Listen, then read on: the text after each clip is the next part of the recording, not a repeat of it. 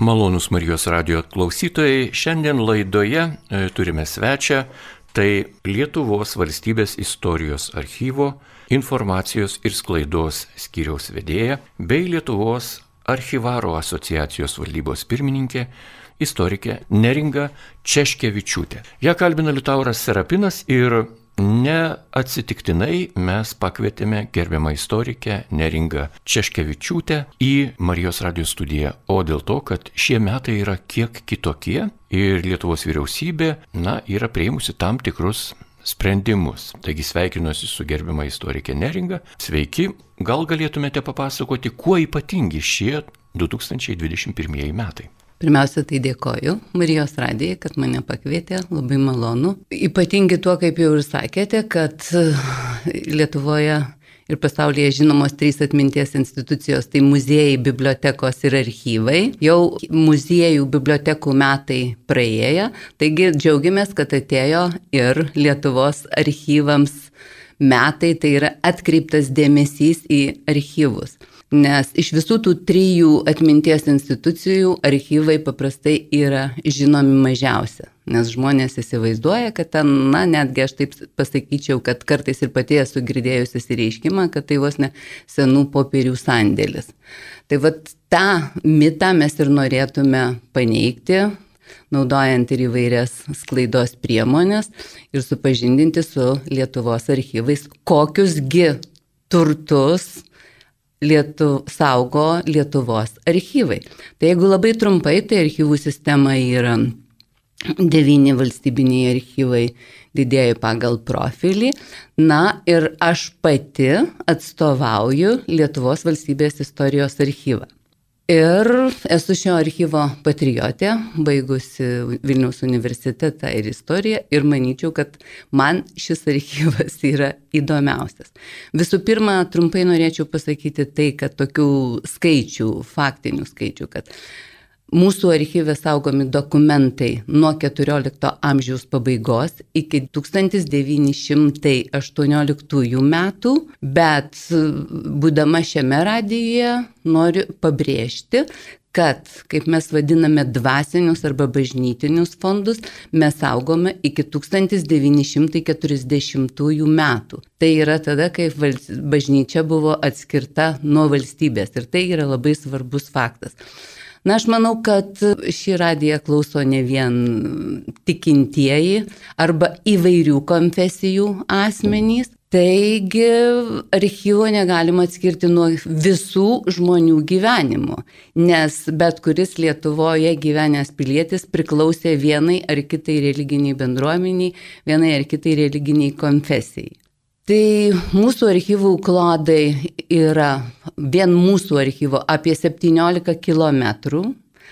Tai galite įsivaizduoti, kad vos ne iki trakų Lietuvos istorija sugulusi į mūsų lentyną. Būtent šiame radijoje aš manau, kad labiausiai domina va, tie, kaip mes vadiname, dvasiniai fondai. Tai tikriausiai labiausiai ir daugiausiai Lietuvos valstybės istorijos archyvas yra žinomas dėl pas mus saugomų įvairių religinių bendruomenių metrikinių knygų. Kaip jau sakiau, kad kiekvienas žmogus buvo, civilinės registracijos nebuvo senais laikais ir kiekvienas žmogus buvo įrašomos į savos bendruomenės arba bažnyčios knygas. Tai kiekviena bažnyčia, kiekviena bendruomenė vedė tris metrikų knygas, tai yra visų pirma krikšto, santokos ir mirties. Ir tai yra labai populiarios tos knygos, nes pastaraisiais ir ypač atkūrus Lietuvos nepriklausomybę valstybę labai tapo populiaru daryti žmonių genealogijas. Tai yra tiesiog va, toks praktinis, utilitarinis kaip ir tikslas. Iš kitos pusės mes kaip istorikai ir archivistai sveikiname, kad žmonės domisi savo šeimos istoriją, kad gyvenimas ir pasaulis yra ne tik vien aš, bet aš atsinešiau iš savo giminės kažkokius tai genus, kažkokį tai paveldą palikimą ir tai atsispindi Sakykite, gerbimo neringa, ar daug žmonių domisi savo šaknimis, nes tai turbūt yra vis tiek tam tikro brandaus tokio, na, asmens bruožas - žinoti savo praeitį, kaip sako tas žmogus, kuris nežino savo praeities, nesirūpina ir ateitimi. Tai toks yra posakis, bet ar Lietuvoje daug domisi savo praeitimi? Taip, jūs tikrai pasakėte tą mano frazę, kur aš paprastai mėgstu ir sakyti, kai žmogus susidomi genealogija, vadinasi, asmenybės branda atėjo, kad jau įdomu, o kasgi buvo prieš mane. Na tai pirmieji, sakykime, užsakovai, pirmieji besidomintys buvo jau 90-ieji metai, atsirado būtent užsienio lietuviai išeiviai tada pajudėjo, kaip mes sakom, nes kūrėsi Lietuvos bajorų sąjunga, tada susidomėjo ir kilme žmonės, na, paskui ir visi kiti, ir visų kitų tikybų žmonės. Ir tai tikrai yra labai sveikintina. Ir manau, kad šiuo metu tai ko gero nėra šeimos Lietuvoje, kuri nebūtų pasidomėjusi savo istoriją, arba bent vienas šeimos narys. Paprastai vienas kažkuris vis tiek būna inicijatorius, o po to susidomi ir visi kiti šeimos nariai. Tai.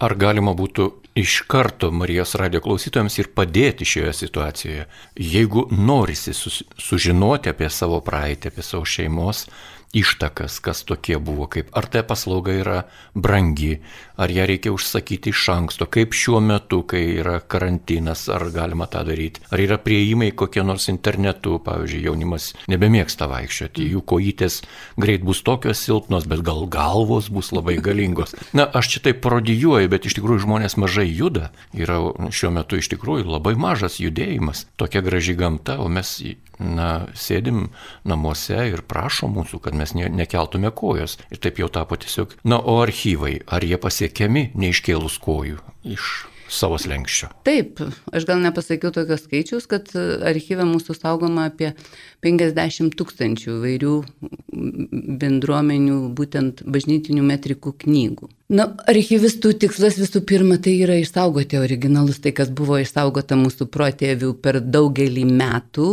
Nuo to intensyvaus naudojimo nuo 90-ųjų metų knygos labai, na, tiesiog fiziškai pradėjo nykti ir mūsų didžiausias rūpestis jas išsaugoti. Taigi, archyvai visiškai neatsilieka nuo pasaulio, mes taikome visas šio laikinės priemonės, tai pirmiausia buvo mikrofilmuojami dokumentai, dabar ir mūsų archyve yra netgi atskiras skaitmenos skyrius, kur tiesiog fondas po fondo, byla po bylos, viskas perkeliama į skaitmeninę versiją. Tada įmanomas variantas, kai kas yra padaryta, prieš kelis metus buvo sukurtas toks projektas ir tikriausiai besidomintys jau yra girdėję ir žinom, kad yra e-paveldas. Ir būtent kiekvienas sėdėdamas namuose gali tuo užsiimti, jeigu dokumentai suskaitmeninti. Archyve yra dvi skaityklos, tai originalių dokumentų skaitykla ir skaitmeninių dokumentų, reiškia atėjęs žmogus gali skaityti mūsų skaitykloje ir pats tai yra nemokamos paslaugos. Ir kitas variantas yra, kad archyvai pagal nustatytą ministerijos, kultūros ministerijos kainoraštį pildo mokamas paslaugas. Tie, kurie nenori patys domėtis ir daryti, tai tada gauna mokamą paslaugą. Ir pačiam tikriausiai tikrai daug įdomiau daryti, nes, kaip aš sakau, tiesiog jaučia kraujas savo šaukia daryti, bet kiekvienas įvertina savo galimybės, nes turiu pasakyti, kad visos metrikinės knygos ir ypač šiuo laikiniam jaunimui tai yra turėt, turėtų būti žinotina, kad yra parašyta originalai, jeigu katalikų knygos tai yra parašyta lotynų kalba nuo seniausių laikų iki 19 amžiaus pradžios, tada lenkų, tada senoji rusų ir jau tik Lietuvos Respublikos laikais lietuvių. Jeigu evangelikai, tada gali būti ir senoji gotikinė, vokiečių kalba. Taigi kalbų žinojimas yra labai svarbus. Tai va tokią paslaugą archyvas teikia ir turime klientų iš viso pasaulio ir didelės eilės. Malonus Marijos radio klausytojai, jūs girdite laidą apie archyvus ir jums pasakoja Lietuvos valstybės istorijos archyvo istorikė, informacijos ir sklaidos skyriaus vedėja Neringa Češkevičiūtė.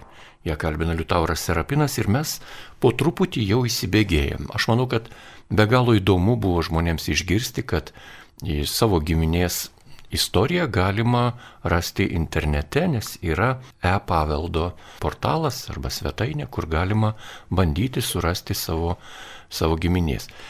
Na, o ką daryti tiems, kurie neranda, sakykime, ieško patys, bando ir neranda, ar jie gali gauti kokią pagalbą?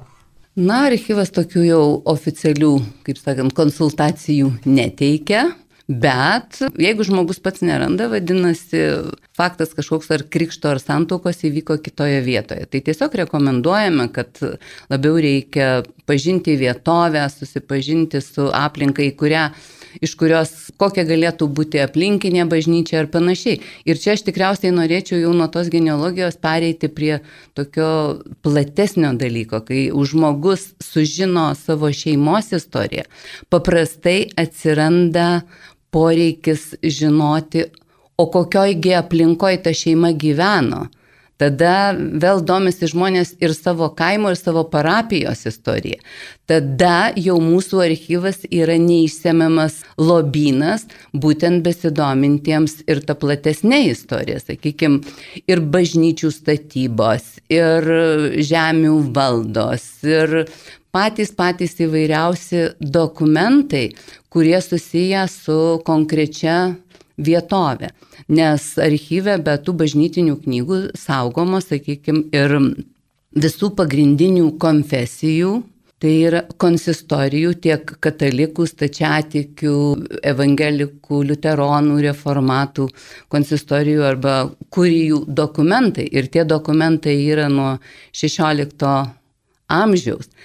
Tai kadangi bažnyčia bet kuriuo atveju tais laikais buvo, sakykime, aš net pasakyčiau taip, kad ne šalia žmogaus, o dalyvavo kiekvieno žmogaus gyvenime visame kame, nes netgi žinom, kad, sakykime, toks terminas arba reiškinys, kad tautybė tai atsiranda tik tai 20-ojo amžiaus pradžioj. Iki tol žmonės buvo skirstomi pagal tikybą.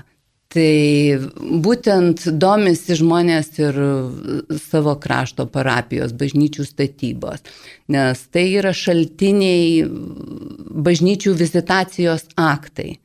Tai kurie buvo vykdomi, na, kiekvienoje vietovėje skirtingų intervalų. Tai gali surasti informacijos nuo pačios tos parapijos įsikūrimo statybos, netgi bažnyčios vidaus altorėje prašomi, na, visa aplinka, kas buvo pastatyta, ar ten kažkokia parapijinė mokykla.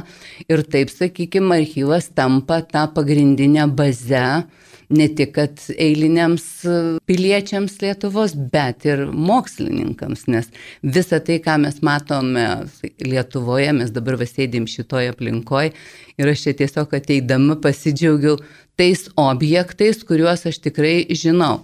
Šalia ir švenčiausios trejybės bazilijonų vienuolynas. Mes rengėme parodą. Tai visa ta informacija sukaupta apie vienuolino veiklą, apie jo įsikūrimą ir galime mes net, na, sakykime, labai pažymėti, kad vienintelis ir ordinas, kuris įsikūrė Lietuvoje, tai buvo būtent bazilijonai.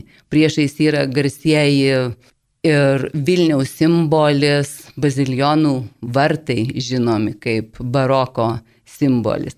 Iškai visi tie dokumentai ir visa informacija apie šitus objektus taip pat yra saugoma mūsų archyve.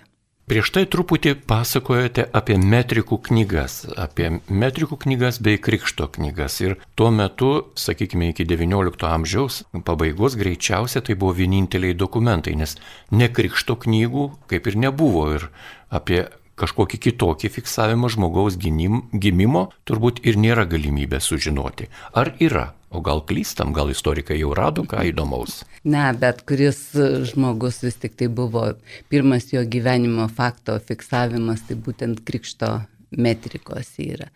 ir tą turi visos, visos Lietuvos bažnyčios. Truputėlį įskirčiau, sakykime, kaip mes vadiname, užnemunę arba suvalkyje. Dar kitaip baždytiniais tais terminais tai yra Seinų viskupystė, nes jau čia vėl reikia galvoti apie istoriją po abiejų tautų Respublikos padalymo. Žinom, kad užnemunė atiteko ir tapo Lenkijos karalystė ir ten pagal Napoleono kodeksą buvo įvestas ir civilinė registracija. Bet paprastai iš dokumentų mes žinome, kad tuo registratoriumi paprastai tapdavo kunigas. Ir būdavo registruojama kaip ir liudininkas kunigas ir užrašo ne tik krikštas, bet ir civilinė registracija. Tai va čia toks vienintelis yra išimtis. Na, buvo, jeigu dar kiti šaltiniai, jeigu ne, knygos neišlikę, tai yra išlikę nuotrupos surašymų duomenys. Tai gali būti, bet jie jau nėra tokie tikslus, nes tam parašyta šeimos sudėtis ir, sakykime, turi penkis vaikus ir ten vienam penki, kitam dešimt kažkiek metų. Tai ta paklaida visada yra įmanoma tokia surasti. Dar norėjau paklausti, ar buvo surašomi vien tik žmonės, ta prasme moteris ir vyrai, gal buvo surašomi ir kokie nors arkliai, žirgai, kažkokie brangesni paukščiai, dar kas nors, gal tokių archyvų yra? Taip, taip ir tokie yra, bet tai yra daugiausia, sakykime, na, pagrindiniai dokumentai tokiems surašymams yra inventoriai. Tai gali būti dvaro, gali būti parapijos, gali būti bažnyčios inventorius. Ir kaip jau minėjau, nuo pastatų aprašymo ir labai gražių dalykų gali Taip ir kiek, netgi kiek žuvies pagavo iš kažkokios bažnytinės valdos, tvenkinio, prūdo, sakyk, toliau labai įdomus dokumentai būna žvakidės aprašytos ir kaip atrodo ir kiek šieno ir kokie padargai na pati pati įvairiausia informacija, kurią tiesiog, jeigu labai atidžiai skaityti, tai galima, na, tokį tą dėlionę sudėstyti labai gražią iš atskirų detalių ir Būtent svarbu yra tai, kad atkreipti dėmesį į tas detalės ir, sakykime, kitų metų inventorių skaitydamas gali pamatyti va, tą skirtumą, kaip pasikeitė, ar kažkas išnyko, ar atsirado kažkokie nauji objektai ten. Nes tikrai, kaip jūs sakot, būna labai įdomių, tokių, atrodo, rimtiems istorikams galbūt ir ne visiškai, jie žiūri rimčiau į istoriją, bet paprastiems žmonėms paprastai būtent ir domina tokios pikantiškos detalės. Pavyzdžiui, ten ar vienuolino, būtent, sakykime, bazilijonų vienuolino alaus darimo receptas. Na ir užrašyta visas lapas, kaip tai yra padaryti, nes nepaslaptis, kad vis tik tai prie vienuolynų paprastai visada veikdavo bravoras, kur veikdavo. Tada įdomios detalės, dabar aš kažkur irgi skaičiau ir atkreipė dėmesį visi, kad prie valdovų rūmų atkurtas renesansinis sodelis. Tai lygiai taip pat atrandi informaciją, netgi kokie vaismedžiai buvo įvežti į Lietuvą, kokie medžiai ten augo ir kokius vaisius naudojo ant stalo.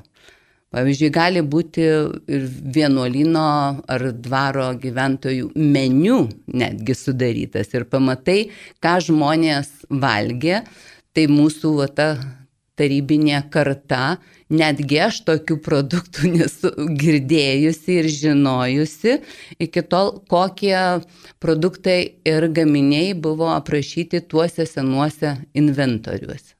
Tęsime laidą. Primenu gerbėmiems radio klausytojams, jog šiandien prie mikrofono Lietuvos valstybės istorijos archyvo informacijos ir sklaidos skyriaus vedėja istorikė Neringa Češkevičiūtė. Ji yra taip pat Lietuvos archyvaro asociacijos valdybos pirmininkė. Ir kalbame apie archyvų metus, kuriuos paskelbė Lietuvos vyriausybė. Tarp kitų pavadinimų ir 2021 metai vadinsis ir archyvų metais. Ir be galo įdomu yra, na ir laidos, antroje laidos dalyje norisi paklausti apie baltasias dėmes. Jūs turbūt istorikai matote, tiesiog buvo vedami, vedami archyvai ir kažkoks įvykis, gaisras, potvinis, pelėsis ar nežinau kas dar, karas, maras ir nelieka archyvų, taip? Ar tokių baltų dėmių jūs fiksuojate savo archyvuose ir kokia būtų pati didžiausia istorijos baltoji dėmė Lietuvoje? Na, baltų ar juodų dėmių visada yra, nes visais laikais visų pirma gal reikia pradėti nuo to, kad susidomėjimas skirtingais etapais buvo. Netgi toks labai aiškiausias pavyzdys, kai mes augom, žinojom, kad visi buvo darbininkų, kilę iš darbininkų valstiečių, galbūt vienas kitas iš inteligentijos klasės. Ir tokios klasės kaip bajoras ar dar aukštesnis aristokratas ir nebuvo. Tai sakykime, O archyve yra sukaupta apie 50 tūkstančių bylų, būtent apie kilminguosius, apie bajorus. Tai tie dokumentai visą sovietinį laikotarpį jie buvo iš viso užslaptinti ir paruošti netgi specialiai sunaikinimui. Ir mes visi suprantame dėl ko, nes turėjimas taip vadinamo to mėlyno kraujo ar buvusių kilmingo, tai reiškia vienintelę baigti tai Sibiras arba dar liūdnesnė lemtis. Tai sakykime, kai prasidėjo su Lietuvos nepriklausomybė, mes išsaugoję, buvom užslaptinti nuo sunaikinimo, tuos dokumentus sutvarkėm, aprašėm ir dabar jie yra vieni iš labiausiai naudojamų. O šiaip archyvai, kadangi tai vis tik tai suprantama daugiausia ir ką mes įpratę matyti, tai yra dokumentas senas senaisiais laikais tai buvo rašomas daugiausia ant popieriaus. Aš aišku nekalbu apie dar senesnius tuos ir ypač vertingus pergamentus, kuriuos mes taip pat saugome.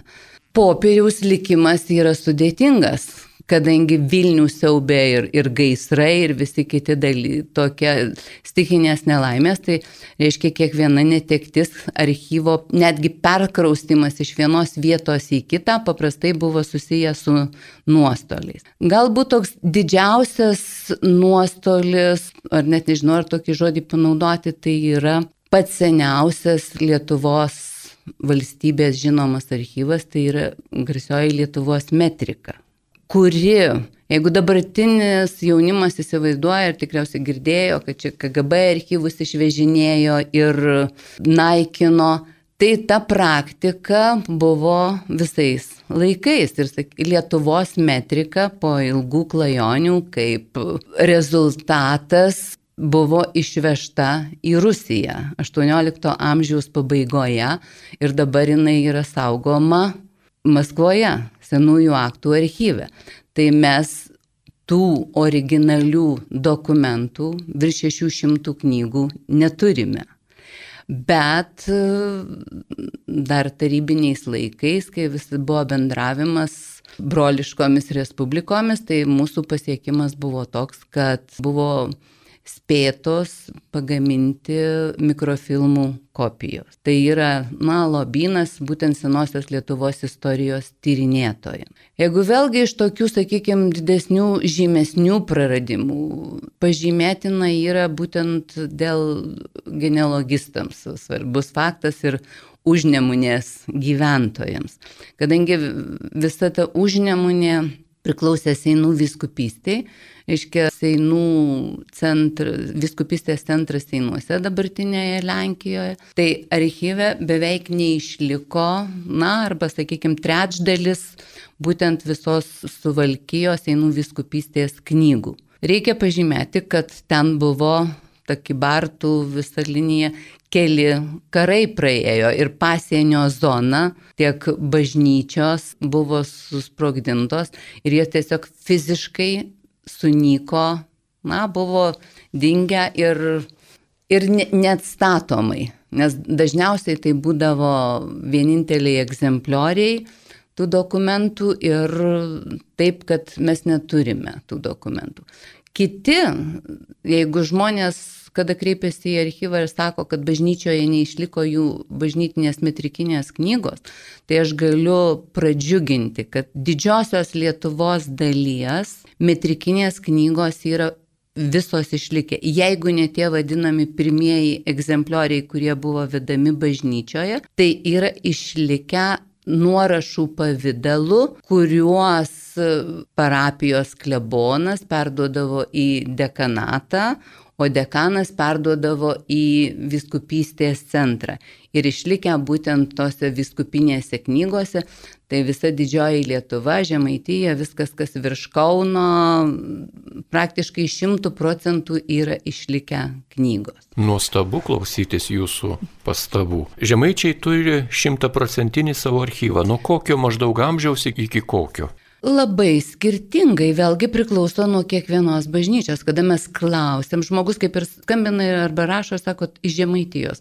Mes iš karto visada tikslinam būtent konkrečią parapiją, nes kiekviena konkreti parapija išsaugojo skirtingas knygas. Čia reikia ir pažymėti ir tokį faktą, kad, na, dabartinis, sakykime, toks terminas kaip žmogiškasis faktorius, kaip galų gale pats klebonas žiūrėjo į į tų knygų išsaugojimą ir koks jo buvo požiūris ir vertėtų tų dokumentų.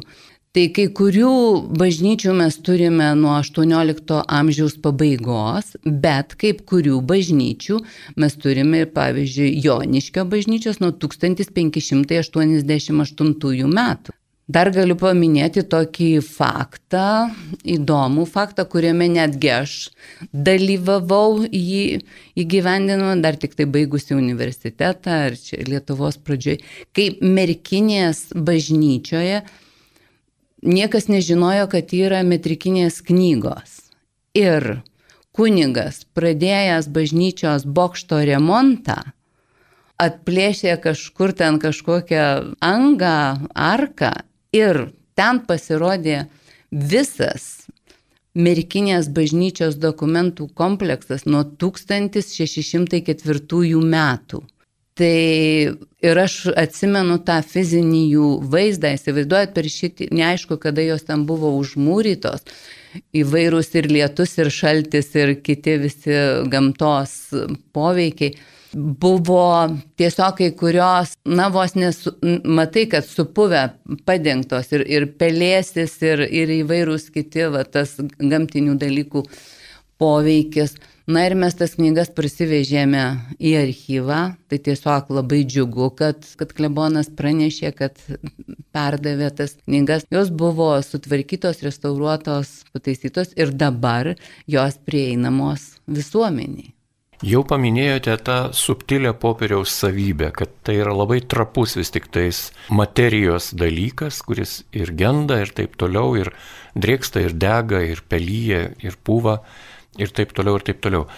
Kaip jūs archyve laikote tuos popierinius lobius? Juk reikalingos kažkokios specialios yra turbūt ir sąlygos. Ar jūs turite kažkokias kameras specialias ten vėdinimo ir ką kita. Pagaliau jūsų sveikatos klausimai.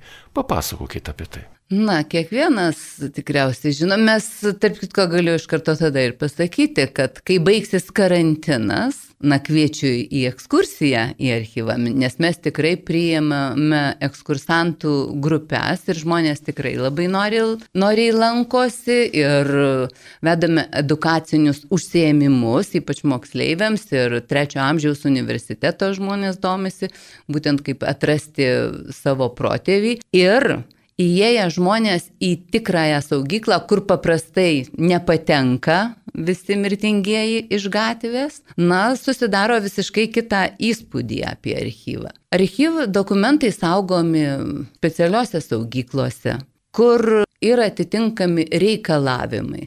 Temperatūros palaikymas turi būti maždaug taip apie 16-18 laipsnių, nes vėlgi temperatūrų kaita kenkia popieriui ir ar netgi odiniams viršeliams gali būti, nes įsimeta ir grybelis ir, ir panašių visokių tokių dalykų. Yra taip pat atitinkamos vedinimo sistemos.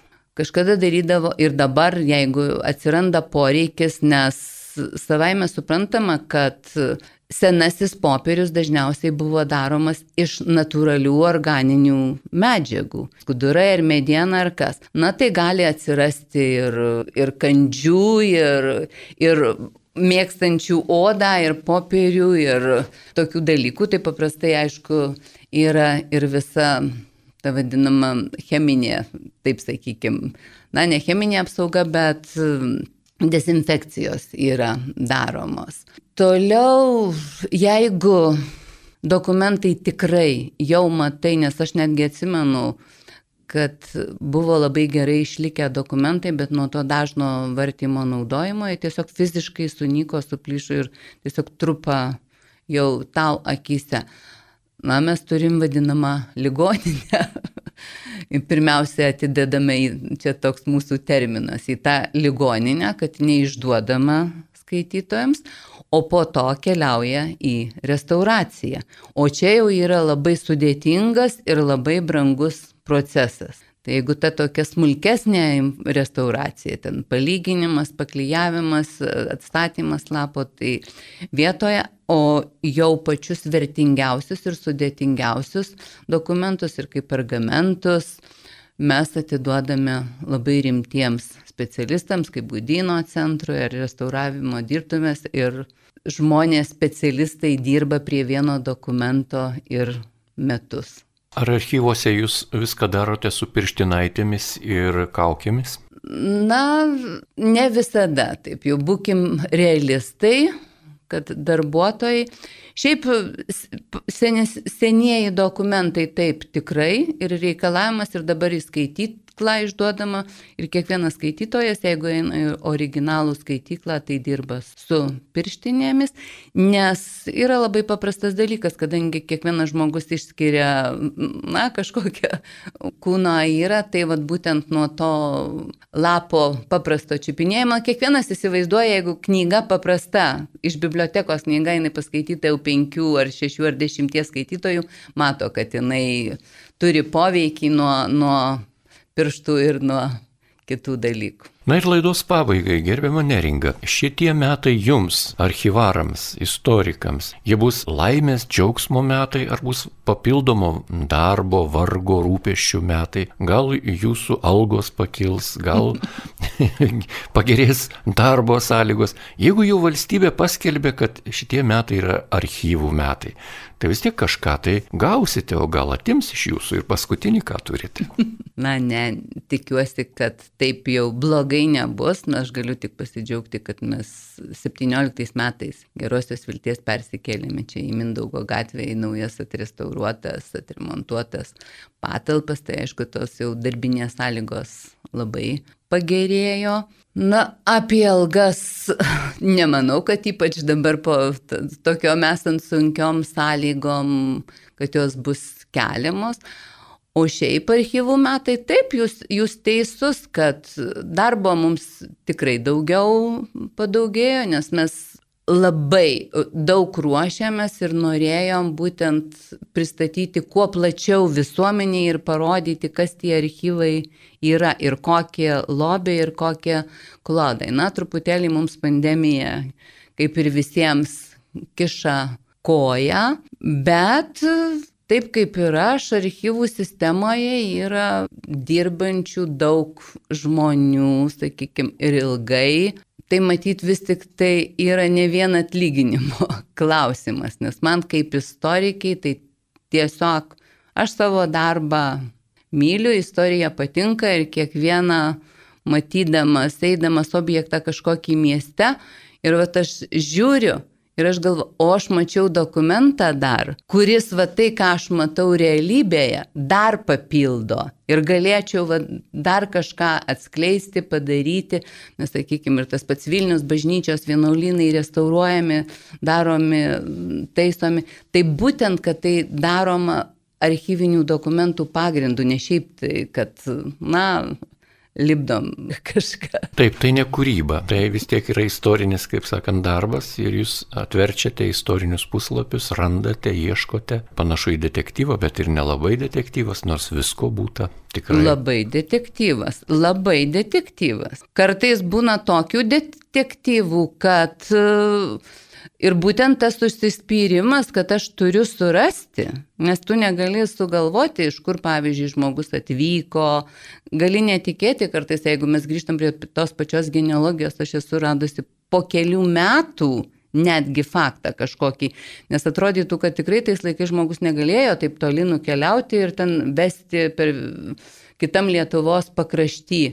Tai, o šiaip tai detektyvų istorijos archyvai ir aplamai archyvai tai yra ištisai detektyvas, aš sakyčiau taip, nes būtent va, tas momentas, tai kas jau žinoma vadovėlyje, tai dažnai perrašoma ir kartais net nesutikrinant faktų nuo vieno kažkokios knygos į kitą. Ir mes kaip archyvarai labai dažnai pastebėme istorikų klaidas, kad dokumentas sako kitaip, nei kad kažkur publikuojama nepatikrintas dokumentas, o faktas atėjęs galbūt iš tarybinių laikų, kad taip reikėjo pristatyti tą faktą. Ir jisai tiesiog toliau traktuojamas taip pat, o kai pakeli originalius dokumentus, pamatai, kad, kad truputėlį kitaip buvo. Nauja versija gali būti. Jūsų paminėtas darbo kolektyvas ir paminėta ta mintis, jog pas jūs yra maža kadrų kaita, taip? Net nežinau, kaip vertinti ir taip ir taip. Dabar yra ta vadinamoji sen, senesnioji karta, tai tikrai jau jie yra ilga amžiai darbuotojai. Na, o dabar ypač mūsų archyvas turi didelę problemą tai yra jaunų žmonių, žinančių kalbas ir galinčių skaityti mūsų dokumentus problema. Mes negalime surasti kvalifikuotų specialistų, nes netgi, sakykime, universiteto istorijos fakultetas, kada rengia istorikus, tai iš viso kurso būna vienas kitas asmo, kuris skaito ar ten ta senąją gudų kanceliarinė kalba, ar lenkų, ar rusų. O kaip jau minėjau, mūsų archyvo dokumentai praktiškai visi yra parašyti būtent kitomis kalbomis, nes lietuvių kalba legalizuota buvo tik tai nuo to 1904 metų, tada atsiranda tie pirmieji dokumentai. Tai jums reikalingi yra specialistai, kurie mokėtų senąją rusų kalbą, net gal bažnytinę kalbą, kurie mokėtų lenkų kalbą, kurie mokėtų gudų kalbą, taip, lotynų kalbas, taip. Taip, tai yra bent jau pagrindai. Visko aišku yra mokomasi, kadangi aš ir pati iš krašto, kur visiškai nežinojau lenkų kalbos, bet kada pradedi dirbti ir pradedi domėtis, priverstas esi tiesiog skaityti, mokytis. Ir ne vien kalbos žinojimas yra, bet dar, vadinkim taip, tas istorinis supratimas. Vis tik istoriko daugiau reikia, kad, kad žinoti, orientuotis, kaip ir kur ir ko ieškoti. Ir kokiam kontekste, sakykime, įvyko vienas ar kitas faktas, kodėl buvo toks ar architektūros stilius, ar, ar kodėl taip statė, ar kodėl vyko taip, nes dažniausiai tai jeigu mes ir žinome, kad sakykime, ir Lietuvos statutai, ir teisynai mūsų, bet daug dalykų tais senesniaisiais laikais, kur mes saugome dokumentus, tai buvo daugiau net ir papročio, ir tradicijos teisė. Tai vat, būtent tų dalykų žinojimas irgi labai, na, padeda dirbant archyvę. Nepaprastai įdomu buvo jūsų klausytis, gerbiamą neringą. Gaila, bet laida atėjo į pabaigą. Mes sveikiname jūs šitos tokios labai svarbios, bet nedidelės bendruomenės profesionalų kolektyvą, kuris yra be galo svarbus, nes tai yra mūsų valstybės, kiekvieno asmens šaknys ir mūsų ištakos, kas mes tokie bebūtume, kurie čia gyvename Lietuvoje. Žinoma, tai brandiname ir žinoma, tai saugome, ir žinoma, tai visais įmanomais būdais galbūt puoselėjame ir jūsų rankų dėka turime nepaprasto grožio Lietuvos istorijos, Lietuvos valstybės istorijos archyvus. Taigi dėkojame Jums už šią laidą, dėkojame už pasakojimą, už raginimą, kai baigsis pandemija, aplankyti Jūsų archyvus, pasidomėti, dalyvauti istorinėse, edukacinėse programuose, ekskursijose. Dėkojame Jums už kasdieninį darbą, už atsiliepimus į tų visų žmonių ieškančiųjų. Dėkojame už bendradarbiavimą su katalikų ir kitomis bažnyčiomis, kurios suskaitmenino, paruošė, galimybės padarė žmonėms prieiti prie savo šeimos, giminių, metrikų, krikšto knygų ir ko kito. Visko neišvardinsiu. Taigi šioje laidoje mums pasakoja apie archyvus Lietuvos valstybės istorijos archyvo informacijos ir sklaidos skyriaus vedėja, istorikė Neringa Češkevičiūtė, ji yra taip pat ir Lietuvos archyvaro asociacijos valdybos pirmininkė. Ją kalbino Liutauras Serapinas.